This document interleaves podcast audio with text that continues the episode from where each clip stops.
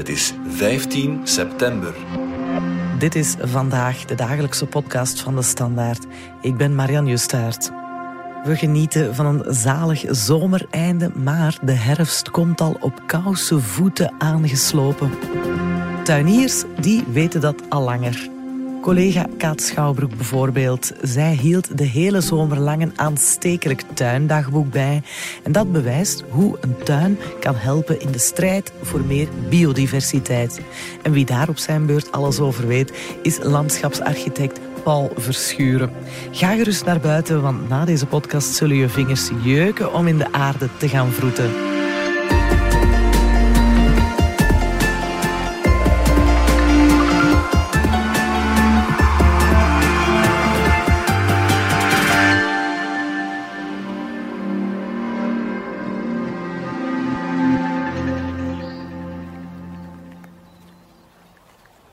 Zaterdag 17 juni. Het heeft vandaag voor het eerst in eeuwen lijkt het wel geregend. Het is eigenlijk zalig om door de tuin te lopen, omdat alles fantastisch lekker ruikt. Dit is Kaat Schouwbroek, eindredacteur van de Standaard Magazine en tuinier. Uh, je hebt natuurlijk die typische geur die vrijkomt op het moment dat het uh, regent op heel droge aarde. Je hebt ook de geur van basilicum, de geur van tomatenbladeren waar de regen op gevallen is. Eigenlijk mijn favoriete geur. Het is zaterdag 24 juni.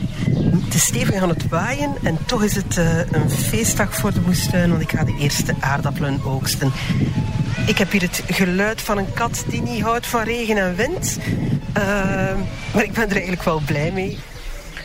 Het is 1 juli in de moestuin. Het is ook de eerste dag van mijn vakantie. En ik moet zeggen dat ik een beetje overweldigd ben als ik kijk uh, hoe alles gegroeid is. Zoals altijd is het onkruid iets uh, beter gegroeid dan al de rest. Maar in momenten van twijfel zijn er altijd ertjes. Niets, werkelijk niets kan de smaak overtreffen van een vers ertje uit de moestuin. Zeker als je het zomaar van de struik kunt plukken. Uh, het is een intense, zoete smaak. Ik zei altijd wonder van Kelvedon en Mechelse krombek. Maar er zijn tal van andere soorten en die zijn volgens mij ook allemaal waanzinnig lekker. Het is 4 juli en eigenlijk zou er bij deze podcast ook een geurcast moeten zijn. Uh, ik sta hier nu in de vroege ochtend, dus het is nog een beetje wachten. Maar het is wel genieten van de kleurenpracht en ook wel van de zonnebloemen die er doorkomen en de Oost-Indische kers die aan het ontploffen is. Nu goed, alles is een beetje aan het ontploffen in de moestuin. Uh, dag per dag zeg ik dan tegen mezelf, we zullen het uh, vroeg of laat wel op orde krijgen. Of niet, maar dat is ook geen ramp.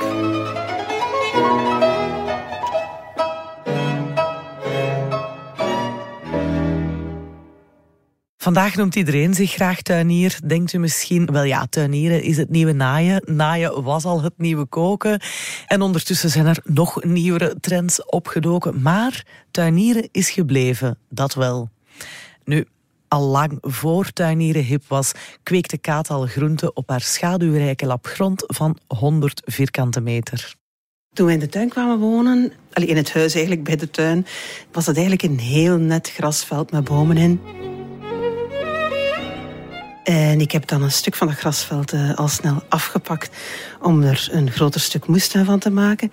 Die moestuin is wild, ondertussen is dat grasveld nog veel wilder geworden, want gras vraagt heel veel onderhoud. Misschien moet ik ook nog eens uitleggen hoe onze tuin er eigenlijk uitziet. Ik heb een niet al te grote moestuin, 75 à 100 vierkante meter, waarin ik uh, wel hulp zou kunnen gebruiken, maar die moeilijk aanvaardt. Ik teel dingen zoals quinoa en bospindas uh, die eruit zien als onkruid. Daar liggen baadjes tussen van gesprokkeld hout. Trombadal benga, dat is een klimcourgette. De pepertjes en de aubergines die teel ik de laatste jaren in pot op het terras. Onze hoogstam perelaar en hoogstam kerselaar. Tomaten, courgettes en pepertjes vooral. Mijn absoluut favorieten in de tuin.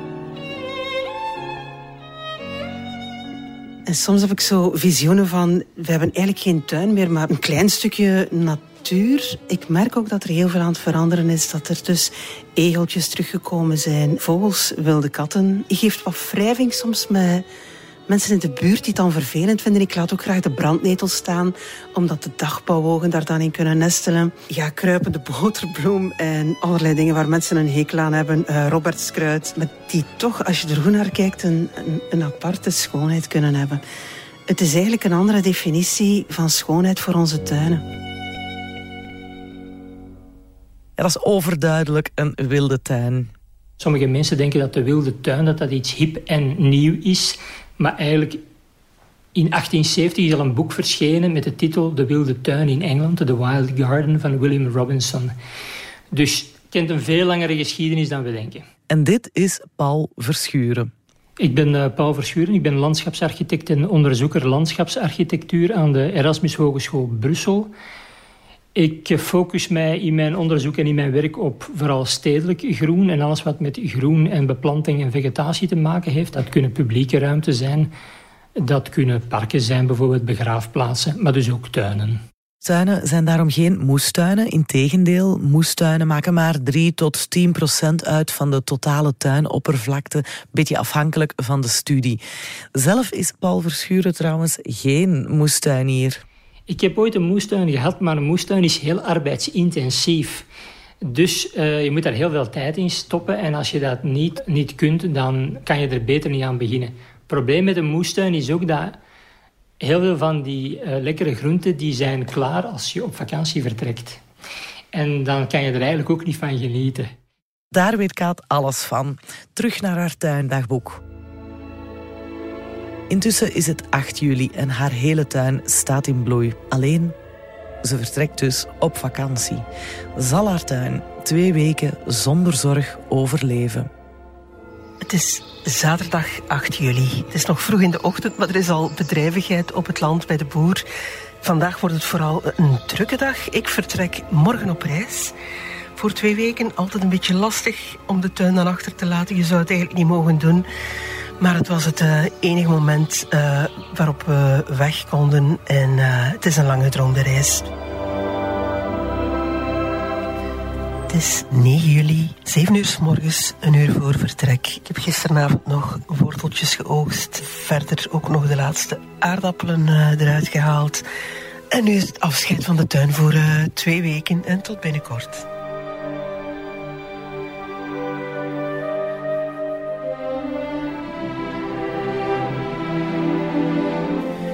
Het is 22 juli. Ik ben na twee weken reis terug thuisgekomen. Voor het eerst weer in de tuin na twee weken. En uh, het is uh, indrukwekkend wat onkruid zoal kan aanrichten op twee weken tijd. Maar ik weet dat intussen thuiskomen is altijd eventjes diep ademhalen. En het is natuurlijk ook absurd dat je op reis gaat naar de natuur. En dan verontwaardigd bent dat de tuin uh, in een jungle veranderd is. Ik ga daar uh, stapje voor stapje werk van maken. Ik denk dat het al bij al wel meevalt als ik de bramen hier een beetje onder controle krijg. Die zich zoals elk jaar weer heel wild over alles heen hebben geslingerd. Ik zie ook dat de planten er eigenlijk heel gezond bij staan. Ondanks de droogte. Ik denk dat ik een milde opvoeder ben van kinderen en honden. Maar met mijn planten ben ik heel streng. Die moeten zoals elk jaar redden met heel weinig water. Ik probeer ze daarin te trainen, zodanig dat ik uh, die dagen dat ik er niet ben, ja, dat ik me daar ook niet veel zorgen over moet maken. Het is 26 juli en ik zit in een tuin die min of meer opgeruimd is. Dat is te zeggen, het ziet er nu uit als een tuin waar een beetje onkruid ingewiet moet worden. Maar dat kennen we. Kaat vertelt hoe zij haar planten traint. Is dat een goed idee? Dat is een absoluut goed idee, want als je planten te veel gaat vertroetelen, dan worden ze zwak. En dat is eigenlijk ook het probleem met planten die we gaan kopen in een tuincentrum bij een kwekerij. Die zijn vertroeteld. We brengen die naar onze tuin en wat gebeurt er? Die planten komen volledig onder stress te staan. Want die komen in een nieuwe situatie terecht, nieuwe omstandigheden, ander licht, andere vochtigheid, andere bodem. Het zijn die planten die dus heel gevoelig zijn voor plagen. En wat we zien dus dat mensen kopen zo'n plant, zetten die dan in hun tuin Maar ze begrijpen niet dat die plant onder stress komt te staan. Want een zwakke plant wordt aangevallen. En wat gebeurt er dan? Die plant die krijgt bijvoorbeeld bladluizen. Dus die plant moet je eigenlijk trainen inderdaad om sterk te worden. En dan zal je zien dat het probleem van die bladluizen het tweede of het derde jaar er niet meer is. Plus als je een biodiverse tuin hebt, dan heb je in die tuin misschien ook lieve heersbeestjes. Een lieve heersbeestje eet graag bladluizen. Dus als je een uitbraak hebt op zo'n zwak plantje van bladluizen, dan gaat het lieve heersbeestje ervoor zorgen dat het vanzelf verdwijnt. Dus hol ook niet naar het tuincentrum om die bladluizen te gaan bestrijden. Wacht even af tot die lieve heersbeestjes verschijnen en die bladluizen zullen vanzelf verdwijnen. Maar daarvoor heb je natuurlijk wel een biodiverse tuin nodig. Biodiversiteit, het woord is gevallen. Biodiversiteit slaat op de verscheidenheid aan planten en dieren binnen een bepaald ecosysteem en is dus een goede zaak. En hoe klein ook, met je eigen tuin kun je wel degelijk een impact hebben op die biodiversiteit. In Vlaanderen zijn tuinen eigenlijk heel belangrijk. We hebben heel veel tuinen in Vlaanderen, meer dan 2,5 miljoen tuinen. Dat komt omdat we heel veel huizen hebben met een tuin. In totaal gaat het toch om 12% van het Vlaamse grondoppervlak. Dat is eigenlijk heel veel. Dat is meer dan het aandeel bossen, meer dan het aandeel, aandeel natuurreservaten. En dat komt natuurlijk omdat we in een heel verstedelijkt gebied wonen. In Groot-Brittannië heb je ook heel veel tuinen, maar je hebt veel meer open ruimte. Dus het aandeel tuinen in Groot-Brittannië ligt veel lager dan in Vlaanderen. Dus voor ons zijn tuinen wel heel belangrijk. Zeker ook in steden, want daar ligt het aandeel van tuinen ten aanzien van de totale grondoppervlakte eigenlijk nog hoger. Een 20% van het stedelijk grondoppervlak bestaat uit tuinen in Vlaanderen. En je hebt ook grote verschillen die ook samenhangen met de sociale verschillen. Bijvoorbeeld in het noorden van Antwerpen, in Ekeren, Schoten, heb je hele grote villatuinen.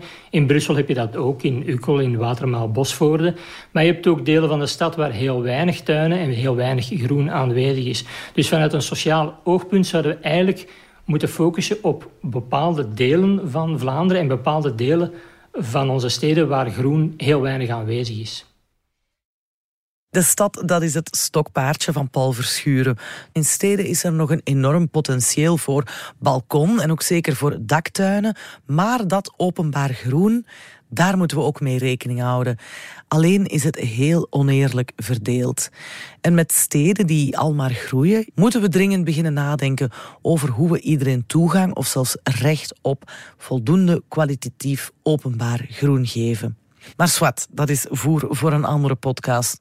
In Katartuin, die dus niet in de stad ligt, blijkt er best veel fauna en flora voor te komen. Ik heb twee gehakkelde Aurelia's gezien, talloze Atalantas, uh, koolwitjes, veel bijen, veel hommels, goudsbloem, stroobloem, juffertje in het groen. En vervolgens een haas, de boterbloem en de courgettes, eerste worteltjes ook. Vogels, egeltjes, wilde katten, robertskruid, brandnetels. Ondertussen ga ik hier... Uh,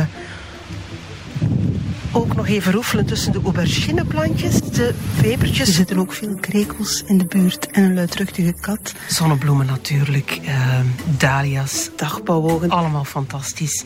Dus je hebt nooit een jaar waarin dat alles mislukt. Uh, dit jaar heb ik echt al kilo's kilo's frambozen geoogst die fantastisch lekker zijn.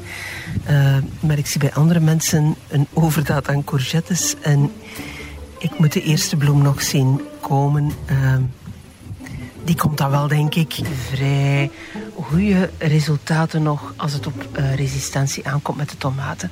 Om nu nog eens de tomaten te noemen. Ik heb zo net een egel gezien en gehoord. Een heigerige egel. Geen idee wat dat precies betekent. Of die nu het territoriumdrift heeft of gewoon drift. Ik ben blij algemene vuistregel is als je meer plantensoorten in een tuin zet, ga je ook meer diersoorten krijgen. En als je meer diersoorten krijgt in je tuin, dan krijg je vanzelf ook een aantal natuurlijke vijanden van dieren die we eigenlijk niet zo graag hebben. Dat geldt absoluut ook voor groenten. Ik ben geen specialist moestuinier, maar ik weet dat bijvoorbeeld Afrikaantjes in een moestuin planten, dat dat ook helpt om een aantal ziekten en plagen te vermijden. Dus zeker ook niet alleen groenten door elkaar zetten, maar ook eens bloemen En kruiden mengen met alles wat er groeit in je moestuin. Dus goede punten voor Kaat? Ik denk het wel, ja. Ik weet eigenlijk niet waar eerst gesprongen. Ik weet nu niet of ik eerst moet oogsten of eerst moet zaaien voor een uh, tweede oogst dan later op het jaar. Of uh, ik eigenlijk moet wieden of wat dan ook. Ik heb ooit een uh, stukje gelezen van een uh, eerste die zei dat ze s'avonds voor de tv neerplofte met uh, bakjes gekochte lasagne of gekochte meeneem Chinees omdat ze eigenlijk geen tijd had om te koken nadat ze alles al geoogst had. Ze gebruikte die bakjes dan wel om opnieuw dingen in te zaaien. Maar ik vind het wel herkenbaar. Je weet eigenlijk niet uh, waar je prioriteiten liggen. En ik denk dat de prioriteit nu is gewoon genieten van de zomer. Dat ga ik proberen doen. Intussen is het eind juli, begin augustus in de tuin van Kaat. En daar is de regen. Het is uh, 29 juli. We wilden regen, we hebben regen gekregen. Iets meer misschien dan ons lief is. Ik zie de natuur echt opleven, dat is fantastisch. Uh, als moestuinier maak ik mij een beetje zorgen over de tomaten. Ik ben stilaan een verslaafde van Meteovista geworden. We gaan het een beetje moeten afwachten voorlopig. Uh, geen spoor van schimmels, maar ik durf het bijna niet luid op zeggen, omdat er in dit soort weer sowieso problemen van komen. Het is uh, 2 augustus. Elke keer als ik naar buiten ga, is het hier een ander weertype. Uh, het waait, het regent, het is zonnig, het is koud, het is warm. Uh, ik probeer daar de tuinklusjes wat op aan te passen. Dus ik uh, heb bessen geoogst in allerijl terwijl het uh, een beetje zonnig en droog was. Mijn handen zien er nu uit alsof ik met uh, tien katten tegelijk gevochten heb, uh, vooral door de stekelbessen. En ik heb basilicum geplant en peterselie. Op het moment dat het aan het regenen was, dat spaart alvast een gietbeurt uit. Het is 5 augustus en ondanks de regen ben ik toch even naar buiten gelopen om uh, te zien wat er geoogst kan worden uh, of wat er geoogst moet worden. Dat is toch een van de dingen die ik echt moest leren en nog altijd aan het leren ben. Uh, wanneer je iets kan oogsten en wanneer het dringend moet gebeuren of wanneer het te vroeg is. Regen is een zegen voor moestuiniers, zeker in lange periodes van droogte. Warmste dag ooit en dan is de warmste dag ooit. Dat zijn berichten die je niet zo graag leest. En waarvan je toch altijd ook de impact begint te zien op de tuin, nu al een paar jaar. De tuin was altijd mijn plekje waar ik niet bang was. Op veel andere plekken ben ik dat wel. En het begint toch wel lastig te worden om, uh, om dat klimaatverhaal nog van mij af te zetten.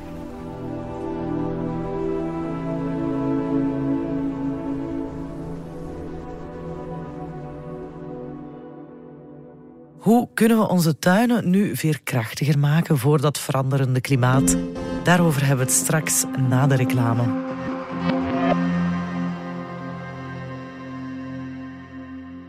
Stop. Wie zit er nog met vragen? Vragen als elektrisch laden, hoe doe ik dat eenvoudig? Slim? Voordelig? Ontdek al onze laadoplossingen op maat. Want bij Engie willen we dat iedereen mee is. Engie, al onze energie gaat naar jou.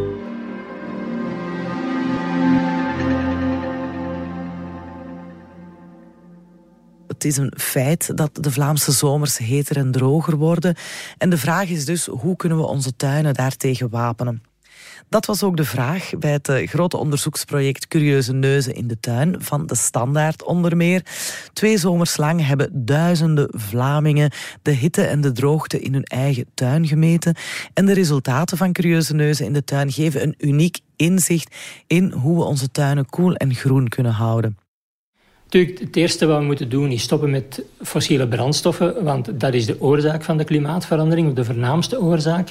We gaan met onze tuinen de klimaatverandering niet tegenhouden. Hè? We gaan ons wel kunnen aanpassen aan de klimaatverandering. Dus we weten dat we hetere, drogere zomers krijgen. Dus als wij onze tuinen aanpassen, kunnen we die effecten daarvan wel milderen. Bijvoorbeeld, we kunnen bomen planten en die zorgen voor temperatuurregulering, die gaan onze tuinen koeler maken. Als we onze bodem niet onbedekt laten, dan gaat die bodem ook minder snel uitdrogen in de zomer en vochtiger blijven. Dus op die manier gaan we de negatieve effecten van de klimaatverandering wel wat kunnen milderen in onze eigen omgeving. Ontharden, beplanten en niet maaien. Daarmee spring je al een heel eind. En een fout die we niet mogen maken, zegt Paul Verschuren, is denken dat we uitheemse planten, bomen, groenten moeten gaan invoeren omdat die zogezegd beter tegen de droogte zouden kunnen. Dat kan tot op zekere hoogte zeker nuttig zijn, ook zeker in onze steden, waar het veel warmer gaat worden. Maar we mogen niet vergeten dat onze inheemse bomen bijvoorbeeld, dat die hier al 13.000 jaar leven en een co-evolutie hebben meegemaakt met onze inheemse fauna. Dus dat moeten we echt koesteren. Dus ik denk dat een aantal van onze inheemse planten en zeker bomen zich ook in de toekomst zullen aanpassen.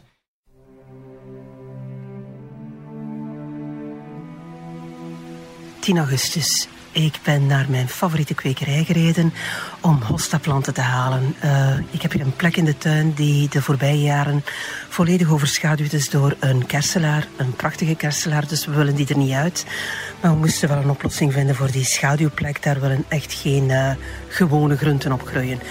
Nu, hostas, ik heb die planten altijd gehaat. Ik vond dat zo wat het lelijkste wat je in de tuin kon planten. En de bloemen vond ik zo mogelijk nog lelijker. Maar ik ben de laatste jaren toch overstag gegaan. Eerst en vooral omdat dat dus um, eetbare planten zijn. Heel lekker in salades. Het is 14 augustus.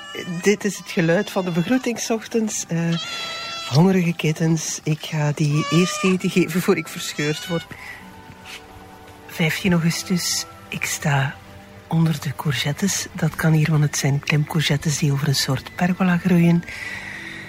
Uh, de plant doet het zeer goed. Ik uh, ben nog aan het wachten op de eerste courgettes. Het is echt schaamtelijk. Iedereen heeft courgettes en ik niet. Maar kijk, helemaal op het einde van de grote vakantie wordt Kaat haar geduld beloond. 23 augustus. Ik heb zowaar mijn eerste courgettes geoogst. Er zijn komkommers, aubergines, pepertjes. Het is eigenlijk uh, zalig. Ik weet ook dat sowieso de dingen een beetje op een einde lopen. Uh, de dagen worden korter. Dus wat je nu in de tuin zet, dat zal sowieso trager groeien. Ik heb nog een poging gedaan met de edamameboontjes. Met hoop op een oogst in oktober. Maar dat is sowieso een, uh, een wilde gok. We zien wel.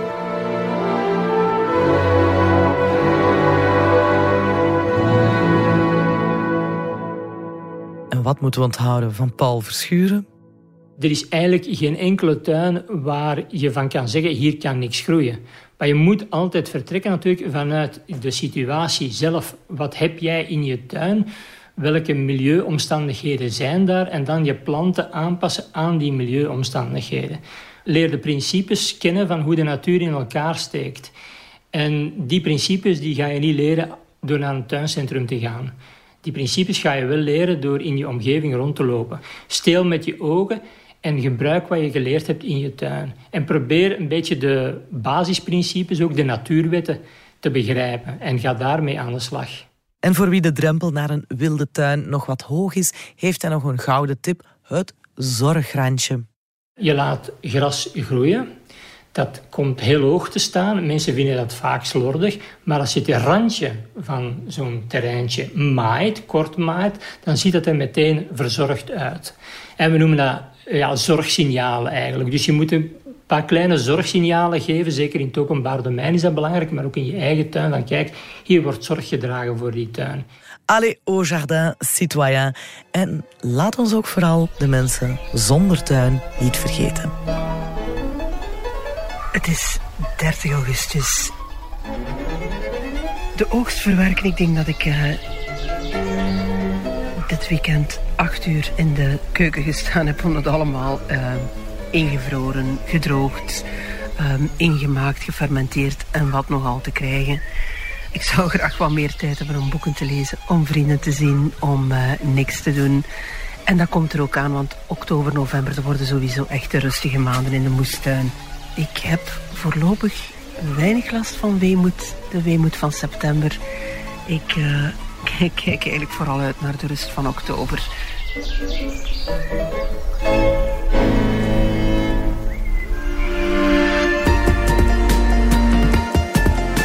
Dit was vandaag de dagelijkse podcast van de Standaard. Bedankt voor het luisteren. Alle credits van de podcast die je net hoorde vind je op standaard.be slash podcast. Reageren kan via podcast.standaard.be.